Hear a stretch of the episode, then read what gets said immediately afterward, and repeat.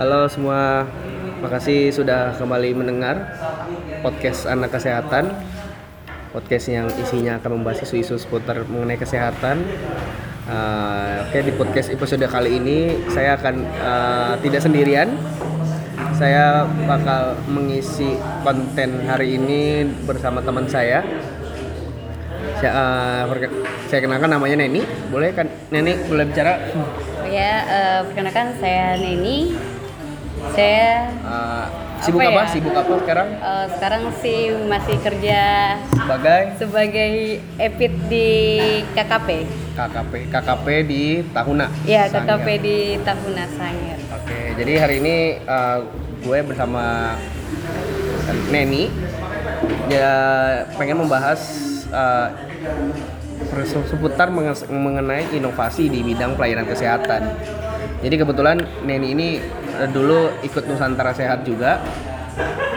Terus saat dia mengikuti Nusantara Sehat dia uh, juara ya, juara program inovatifnya yang nama Uh, nama programnya Ranting. Ranting, Ranting dia juara di tingkat provinsi saat terakhir case tahun 2018. 18. Oke. Jadi sebelum kita mulai uh, apa itu Ranting? Uh, ranting itu dia singkatan dari remaja anti stunting sih. Uh, jadi kita itu sebenarnya program itu kita buat karena dari pemeriksaan pemeriksaan kita ke Agak sekolah keras. pemeriksaan pemeriksaan kita ke sekolah-sekolah. Nah. Jadi itu kenapa kita pilihnya remaja bukan kita pilihnya ibu-ibu hamil uh, lebih fokus ke remaja karena apa? Karena remaja itu yang akan meneruskan uh, menjadi ibu nantinya. Jadi ini fokusnya ke remaja putri sih kayak gitu. Jadi kita uh, karena apa namanya kegiatan-kegiatan mengenai pemberian salah satu kegiatan di sini kan yaitu kita pemberian tablet tambah darah sih kayak gitu. Jadi kegiatan itu sebenarnya sudah ada dari dulu, cuma kita uh, ubah konsepnya agar dia lebih berjalan berjalan secara terus menerus begitu. Jadi konsep yang kita hadirkan yaitu kita memberikan itu tablet tambah darah itu bukan ke, bukan kita yang memberi langsung ke anak-anak sekolah tersebut, tetapi kita memberikan sebuah komitmen kepada sekolah untuk mereka ikut andil dalam hal tersebut. Jadi uh, kita meminta komitmen para guru-guru maupun kepala sekolah di sana untuk uh, ikut memberikan itu tablet tambah darah di hari-hari tertentu yang telah kita tentukan. Jadi ada kesepakatan antara petugas kesehatan sekolah dengan petugas kesehatan kita uh, itu kita tentukan hari apa mereka bisa. Kita tanya mereka hari apa bisa untuk memberikan tablet tambah darah. Itu kepada anak-anaknya karena tablet tambah darah itu cuma satu kali satu minggu. Jadi itu biasanya kemarin sih waktu kegiatan itu dilaksanakan mereka minta di hari Jumat kan karena hari Jumat. Jadi itu setiap hari Jumat mereka memberikan tablet tambah darah itu kepada remaja-remaja putri di sekolah mereka gitu. Oke. Uh, sebenarnya maksudnya kenapa? Katanya lu bilang-bilang kan kayak lu sasarannya remaja, tapi maksudnya lu pasti kan membuat itu karena suatu masalah gitu kan, masalah yang emang lu lu temuin gitu kan. Uh, nah masalah emang mas dari masalah apa gitu yang lo angkat? Emang, emang apakah di tempat kerja lo sebelumnya itu stunting itu banyak, terus lo akhirnya tercetus gitu uh, bikin ranting ini gitu? Uh, kalau stunting sih nggak terlalu banyak sih memang, tapi ada kayak gitu, ada di sana. Kemudian dari pemeriksaan kesehatan dari ibu hamil yang kita lakukan itu, nah memang ada ibu-ibu hamil itu lumayan banyak. Kalau ibu-ibu hamil lumayan banyak dia yang mengalami anemia. Kayak kondisinya gitu. emang banyak ah, anemia. Jadi ibu hamilnya banyak kondisinya anemia. Kemudian karena kita bergerak dari ibu hamil, kita bingung nih ibu-ibu hamil ini kita udah kasih tablet tambah darah, kadang dia juga masih tetap anemia, anemia kan. Jadi ya, terus uh, kita kita carilah di mana. Jadi untuk biar ibu-ibu hamil ini nggak anemia, jadi kita urutkan ke belakang kayak gitu. Jadi kita juga tes uh, pemeriksaan HB di sekolah-sekolah dan ternyata memang lumayan lumayan banyak juga sih. Emang kondisinya lo emang ada dasar gitu kan dasar untuk memulai untuk memulai uh, kegiatan yang lo lakuin gitu nah tapi emang berarti berarti kalau kayak gitu menurut lo ada yang salah selama ini dari sistem atau program yang dibuat untuk menangani stunting? Eh, mungkin nggak salah sih cuma gue bilang sih program ini udah ada kayak itu pemberian tablet tambah darah ke remaja-remaja itu ada cuma memang belum dijalankan dengan Maksimal. Ah, dengan maksimal oleh mungkin bisa ada beberapa banyak kendala mungkin di lapangan atau bagaimana kayak gitu nah itulah makanya se- kita satu tim itu membungkus kembali itu program itu agar bisa terlaksana dengan baik Jadi kalau sedikit flashback, jadi Neni ini adalah eh, alumni Nusantara Sehat Team. Batch berapa kak? batch 5 Batch 5. Jadi waktu itu lo nyelesain masalah ini secara tim gitu. Iya, bukan Jadi sendiri. otomatis eh, sinkron nih antara bidan, SKM, pemegang UKS, terus tenaga gizi. tenaga gizi. Jadi emang melihatnya dengan semua sudut pandang. Ah, ah. Dan akhirnya tercetuslah ranting. Ranting tadi. Oke. Ya gitu. Eh, dari dampak dari yang lo udah buat hasilnya gimana? Apakah emang bener sesuai dengan yang lo harapkan?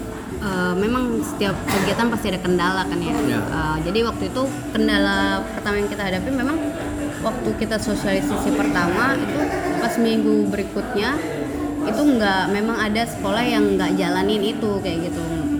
Cuma memang kita antisipasi karena kan memang wilayah kerja kita juga laut kan ya. Jadi ke mana-mana akses gunain perahu dan memang waktu itu ombak jadi kencang jadi nggak terlalu bisa Tepat waktu untuk Ah, ah, jadi eh, kita cuma lewat telepon. Jadi itu antisipasi lewat telepon dan kita evaluasi ternyata pas dievaluasi kenapa nggak bisa? Karena guru yang dipesankan itu dia nggak ada di situ kayak gitu. Jadi, Jadi mungkin teknis, teknis. teknis. di situ sih. Tapi tapi tapi eh, maksudnya kalau eh, udah kelihatan nggak dampaknya dari yang lo buat gitu kak? Seenggaknya apa yang menghasilkan apa gitu?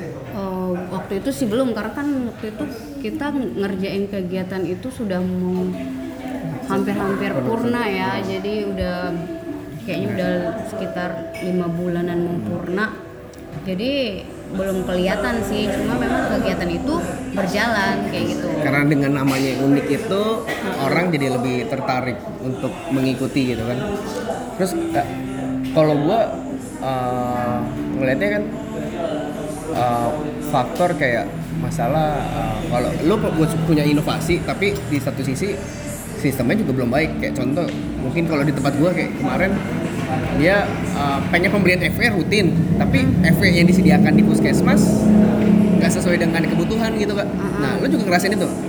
Hambatan seperti itu? Eh, kita kemarin sih ada karena memang mungkin persediaan sih tapi untungnya kita memang itu kan memang kita konsep konsep memang karena kita juga punya apoteker kan jadi dia sudah punya solusi ketika memang dia udah tahu stok stok apa yang banyak. Jadi kalaupun memang waktu itu tablet tambah darah eh, nya kurang itu dia bisa carikan kayak gitu. Jadi kuncinya adalah buat lu mengakali in- eh, ide lu ini adalah lintas profesi. Ya, ah, Meng- meng- apa setiap setiap profesi yang ada harus berperan. Berperan karena setiap setiap masalah itu nggak bisa diselesaikan Selesaikan sama satu profesi Oke, jadi eh, tadi kita udah bicarain mengenai program yang eh, Neni udah lakuin dia waktu saat RMS. Jadi hari ini gue bakal lebih ngobrol-ngobrol spesifik mengenai inovasi dalam pelayanan kesehatan gitu. Dan dia sebagai pelaku yang sudah pernah melaksanakan gitu kan dari ranting ini. eh, jadi gue pengen gue gali nih kira-kira dari sudut pandangnya eh, Neni mengenai eh, inovasi dalam pelayanan. Nah, menurut lo nih kak, seberapa pentingnya sih inovasi dalam pelayanan kesehatan gitu kak?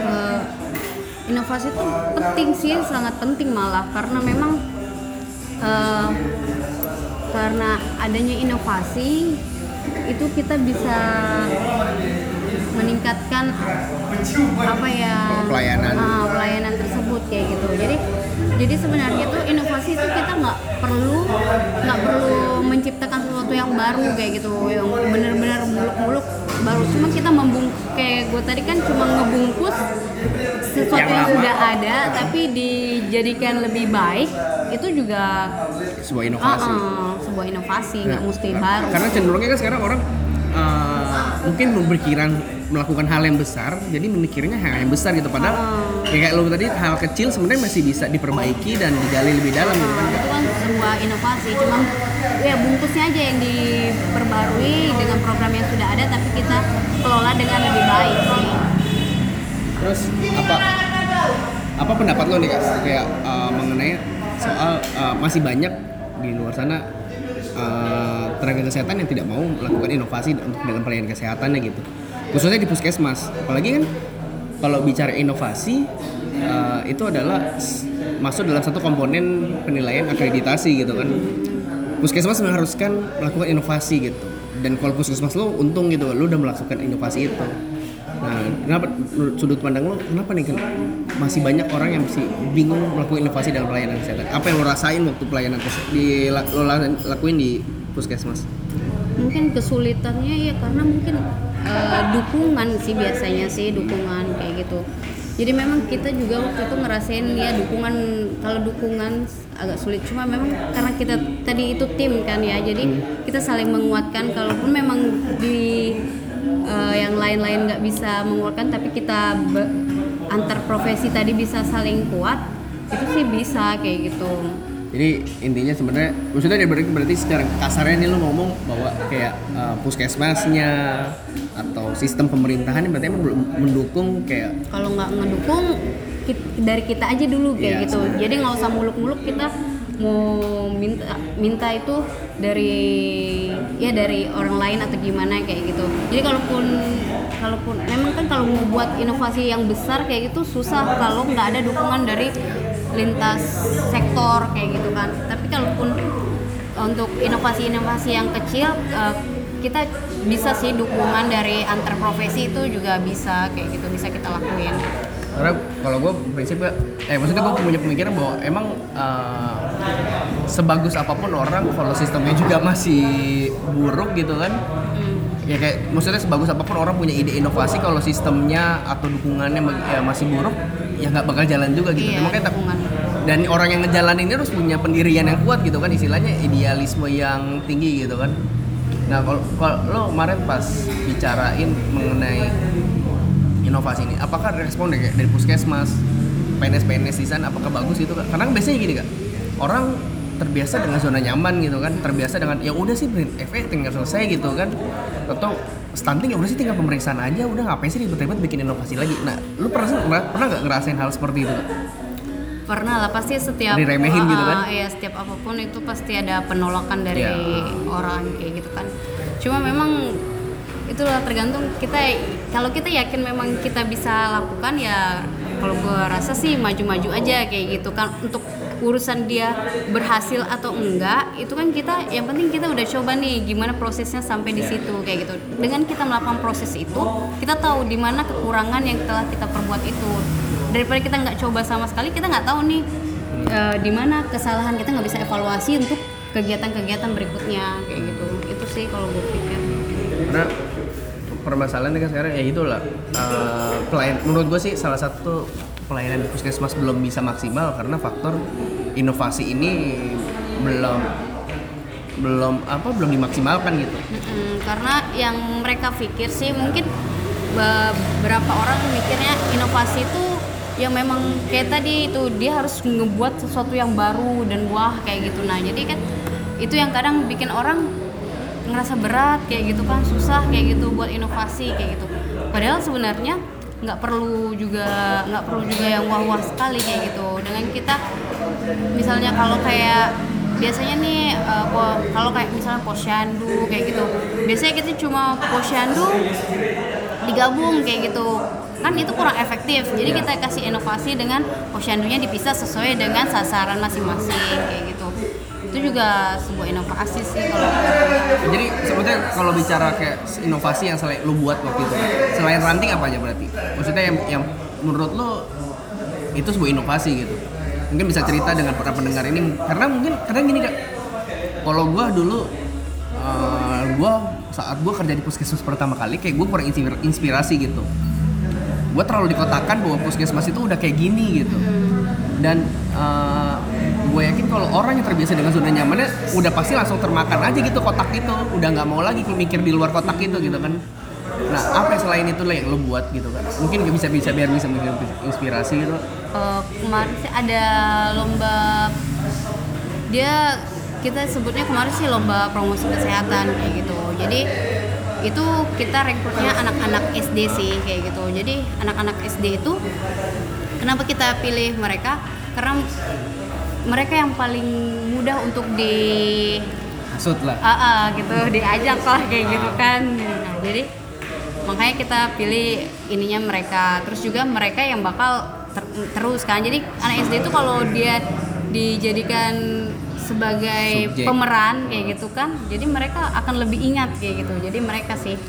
Jadi itu Lomba apa? eh, lomba itu kita adakan kayak eh, puisi tentang rokok untuk ayahku kayak gitu. Terus da- ada dia tuh lomba itu tapi dalam lomba itu ada banyak ada banyak konteks gitu jadi Kesehatan tapi. Ah, ah. jadi ada itu terus ada lomba eh, lomba cerdas cermat kesehatan kemudian ada senam senam kesehatan senam cuci tangan kayak gitu terus ada apa lagi ya kemarin oh ini menggambar mewarnai mewarnai tentang mewarnai poster tentang kesehatan jadi gue tuh pengennya dengan mereka melihat terus setidaknya mereka melakukan itu mereka melihat dan membaca lah minimal kayak gitu jadi itu sebuah sebuah pengetahuan kayak gitu itu sih yang gue Itu adalah sebenarnya se- sebuah inovasi karena hal kecil walaupun dengan lomba-lomba itu Ah, ah, berharap mereka- ada dampak gitu kan. ah, mereka ingat lah minimal walaupun mereka apa ya minimal mereka ingat dan Apalagi kalau untuk anak-anak dia melakukan hal yang dia sukai Ya, gitu kan, kayak mewarnai kayak gitu. Selain itu ada lagi mungkin kayak itu itu itu lo jalan sendiri. Apa apa maksudnya lo, lo dalam kelompok lo atau emang itu atas nama puskesmas? Itu tetap sama kelompok sih karena memang itu karena memang kendala kemarin itu kita juga nggak punya pimpinan kan ya puskesmas pas tuh. nah, kondisi Ah, ah. kondisinya Nah, emang waktu itu di puskesmas sedang kosong pemimpinan ah, jadi ah, jadi bingung gimana mau ambil- gerakin ambil, jadi kebijakan ambil keputusannya juga nah, ah, jadi memang kita bergerak satu tim. Terus oke ada lagi kak mungkin yang yang lo buat dari inovasi?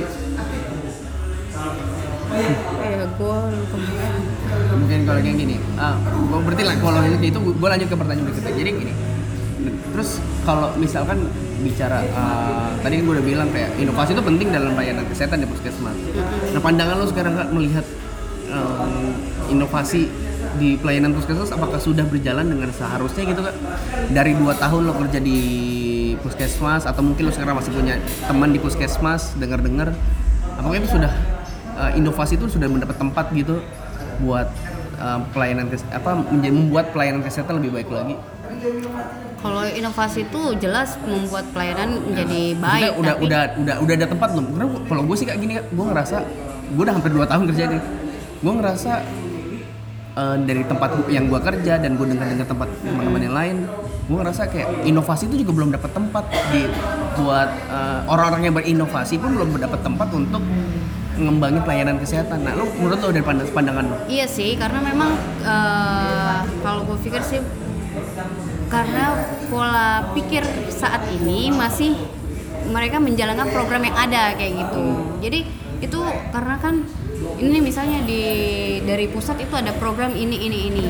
Nah mereka cuma ngikuti program itu kayak gitu. Cuma mereka nggak nge- ngembangi. Jadi tapi yang dituntut sebenarnya dari pusat itu mereka kembangkan program itu. Nah tapi dalam pemikiran itu hanya memikir yang penting jalan kayak gitu itu sih kalau gue pikir makanya jadi inovasi itu Nggak ada belum nggak ada tempat sih belum Karena emang, tempat karena emang masalahnya ya terbiasa kalau menurut gue kasarnya kita terbiasa disuapin Ah, ah, jadi daerah. langsung dimakan. Langsung gitu. dimakan nggak tahu ini salah siapa gitu kan. Jadi kalau pusat udah bikin program apa kayak misalnya contoh germas Ah, bikin program germas ya dari daerah sampai ke puskesmas hanya telan mentah-mentah germas gitu aja gitu kan nggak nggak di konsep Kembangin lagi apa? kembangin sesuai dengan kebutuhan rakyat Nah itulah memang eh, apa ya gue bilang pengkajian suatu masalah di masing-masing daerah itu yang masih kurang gitu. Jadi itu memang perlu kalau gue pikir sih perlu memang seringnya apa ya namanya komunikasi kayak gitu antar masing lintas program dan lintas sektor di desa-desa sih kecamatan ya kalau puskesmas kan ya. Kalau kalau gue mikirnya gini kak Nuril lu pandangan lo uh, gue karena kebiasaannya adalah uh, daerah atau puskesmas gitu membuat laporan yang sudah dibuat oleh uh, pusat. Dan itu seolah-olah datanya itu bukan buat buat puskesmas gitu hanya sekedar buat pusat aja gitu ngelaporin kondisi kesehatan. Tapi nggak dia itu nggak melihat bahwa itu buat buat kebutuhan dia harus ngapain masalah itu. Terus dia juga membuat satu konsep konsep yang pusat bikin bukan konsep yang sesuai dengan kebutuhannya dia Daerahnya. gitu. kayak lu kayak lu maksudnya lu bicara ranting gitu kemarin. Menurut ap- uh, pasti kan kalau lu pasti ada tantangan kayak budaya budaya di sana gitu. Pasti kan masih mikir apa sih stunting nggak begitu? Ini kan pasti ada tantangan juga kan kalau mas. Ngelawan apalagi bicara hal kebiasaan budaya kayak gitu kan. Nah lu kayak gitu, gitu juga menurut menurut lu dari sini? Eh, sebenarnya sih kalau yang kayak gitu sih kalau kayak budaya atau apa itu intinya kita kita dulu sih. Eh, memang kita harus buat sebuah desa itu atau masyarakat itu percaya sama kita kayak gitu. Makanya kita memang di awal-awal kita sedikit sekali program inovasi karena kita masih. Menarik eh, menarik menganalisis bagaimana mereka terus menarik simpati-simpati mereka terhadap kita. Jadi ketika kita dapatkan itu kepercayaan itu dari mereka, barulah di situ kita adakan inovasi-inovasi sih. Jadi gue pikir sih sebenarnya kalau orang-orang yang udah biasa di sana dan bertempat tinggal di sana dan udah mengetahui bagaimana karakteristik kehidupan di sana sebenarnya lebih gampang untuk berinovasi kayak gitu karena mereka udah tahu kayak gitu kan. Ya, maksudnya berarti sindiran langsung buat PNS-PNS gitu kan? Yang emang pegawai asli orang situ gitu kan? Karena na- ya gue, gue lucunya gitu kan kadang orang yang kalau gue sih ngeliatnya di daerah maksudnya di- khususnya di daerah tempat kita kerja gitu kak uh, justru yang lebih muncul mencuat inovasinya adalah orang-orang yang di luar dari daerah ini. Ah, ya nggak kak? Iya Setuju? sih, iya sih. dan dan nggak di sini doang di beberapa tem di beberapa tempat yang gue dengar ceritanya juga kayak gitu. Orang yang dari luar justru lebih berinovasi dibanding orang yang di dalam. Mungkin kayaknya sebenarnya kalau konsepnya berarti harus kayak tenaga kesehatannya terus disebar sebenarnya.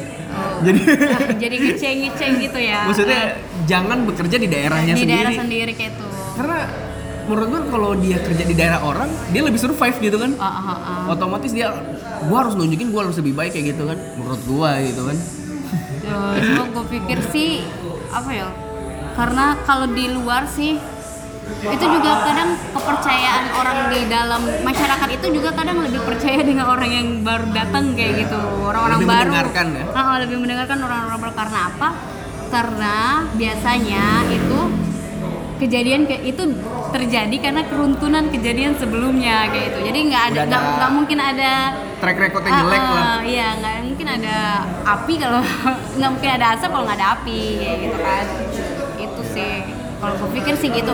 Jadi memang sebenarnya itu kalau kita memang mau di didengarkan atau diikuti kayak gitu kan di- dipercaya sama masyarakat itu ya memang kita harus benar-benar mengayomi masyarakat itu kayak gitu melayani mereka kayak gitu. Sehingga ketika kita sudah mendapatkan hati masyarakat itu kita gampang mau melakukan inovasi sih kalau gue pikir segitu terus pertanyaan selanjutnya kak. Gue pengen ini yang di luar tadi konteks tadi gue ketemu lo sebagai sosok lo yang emang lo mau membuat hal baru gitu.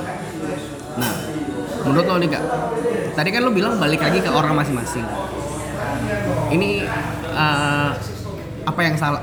Kenapa orang nggak mau berinovasi gitu? Khususnya tenaga kesehatan kenapa orang nggak mau berinovasi? Lebih ter- terbiasa di zona nyaman ya. Menurut lo apakah salah di sistem pendidikannya atau emang salah orangnya atau salah emang yang lain gitu? Kenapa? Maksudnya padahal kalau bicara uh, orang kalau bisa bicara kerja gitu kan kerjanya emang sepenuh hati otomatis kalau emang ada masalah di suatu tempatnya gitu kan otomatis ya harusnya dia bekerja setengah mati juga untuk melakukan inovasi buat selesaiin masalah itu gitu kan. Harusnya seperti itu. Jadi menurut lo kenapa gitu kan dari Mungkin, sudut pandang lo. eh, kalau gue pikir sih kurang motivasi sih gitu. Jadi memang motivasi dalam artian uang. Eh, nggak juga sih.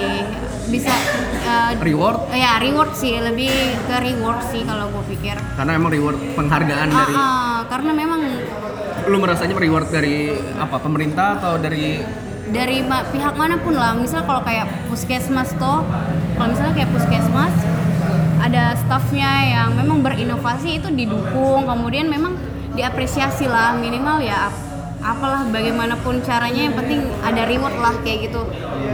Jadi Itu sih- menurut, menurut lo salah satunya adalah poin reward iya sistem. reward itu sangat sangat ini memotivasi seseorang gitu buat untuk melakukan uh-uh, sesuatu. uh-uh. Gimana karena, karena berhubungan gitu kan. Kalau seenggaknya walaupun sistemnya belum mendukung tapi seenggaknya ada reward, orang jadi memacu untuk melakukan inovasi. Iya, bisa bisa sih puskesmas ya, bisa nih kayak kepala puskesmas kepala puskesmas tuh ngelakuin eh, inovasi apa pemberian reward kepada tenaga kesehatan yang punya inovasi. Jadi dari situ kan eh, masing-masing tenaga kesehatan tuh berlomba tuh pikir bikin inovasi apa ya kayak gitu dengan adanya reward yang akan diberikan sama apalah pokoknya apa pun rewardnya lah kayak gitu yang bikin mereka tertarik kayak gitu dengan itu memacu mereka untuk berpikir eh, melakukan inovasi itu kayak gitu Iya. Terakhir kak, pertanyaannya sebagai penutup maksudnya gue pengen terakhir tanya lo. Uh, lo udah melakukan itu, lo punya pemikiran mengenai inovasi, lo udah buat ranting, lo buat bikin lomba-lomba itu juga. Dan lo punya pengalaman 2 tahun uh, bekerja di puskesmas dan melakukan inovasi yang tadi seperti gue bilang. Nah, gue pengen min- uh, mungkin lo bisa bagi tips untuk bisa melakukan inovasi gitu. Karena orang kadang khususnya generasi milenial, tenaga kesehatan milenial gitu terbiasa lebih eh, cari-cari dulu nih tips-tips apa ide-ide dulu gitu kan. Nah kali aja lo ada tips supaya bagaimana buat tenaga kesehatan tuh mau eh bisa atau mau melakukan inovasi di wilayah kerjanya gitu. Khususnya di kalau lo di puskesmas lah gitu. Eh, apa ya kalau dari gue sih paling tipsnya yang pasti sih kita atau lo ada moto hidup kayak gitu yang akhirnya lo kan lu lu nggak dapatkan reward gitu. Lu nggak kepikiran kemarin jadi juara gitu kan? Karena Nggak reward juga nah, sih, iya. lu kan bekerja bukan karena reward gitu. Nah apa kira-kira bisa memotivasi orang gitu untuk melakukan inovasi gitu kan? Karena eh, kalau ini puskesmas itu inovasi itu adalah sebenarnya harga mati untuk dilakukan gitu kan. Beda kalau di kerja di rumah sakit kalau di dinas oke lah masih inovasi itu perlu juga dilakuin. Karena karena kalau tenaga kesehatan yang kerja di rumah sakit kerjanya gitu-gitu doang gitu kan. Kalau kalau tapi kalau di puskesmas atau di dinas masih ketemu masyarakat masalah-masalah yang dihadapin juga beda gitu. Nah kira-kira ada tips dari lo gitu? Kalau inovasi tipsnya? biar berinovasi ya. Yang Lebih- dari dari dari yang lo lakuin aja lah kira-kira kenapa lo bisa berinovasi gitu? Lebih banyak ini sih lebih banyak sharing sama teman-teman lain kayak gitu antar antar profesi. Jadi kita itu memang eh, dari kita satu tim itu memang hampir setiap bulan kita adakan rapat untuk sharing kayak gitu. Sharing masa- masalah yang kita hadapi. Jadi dari sudut pandang masing-masing profesi kayak gitu.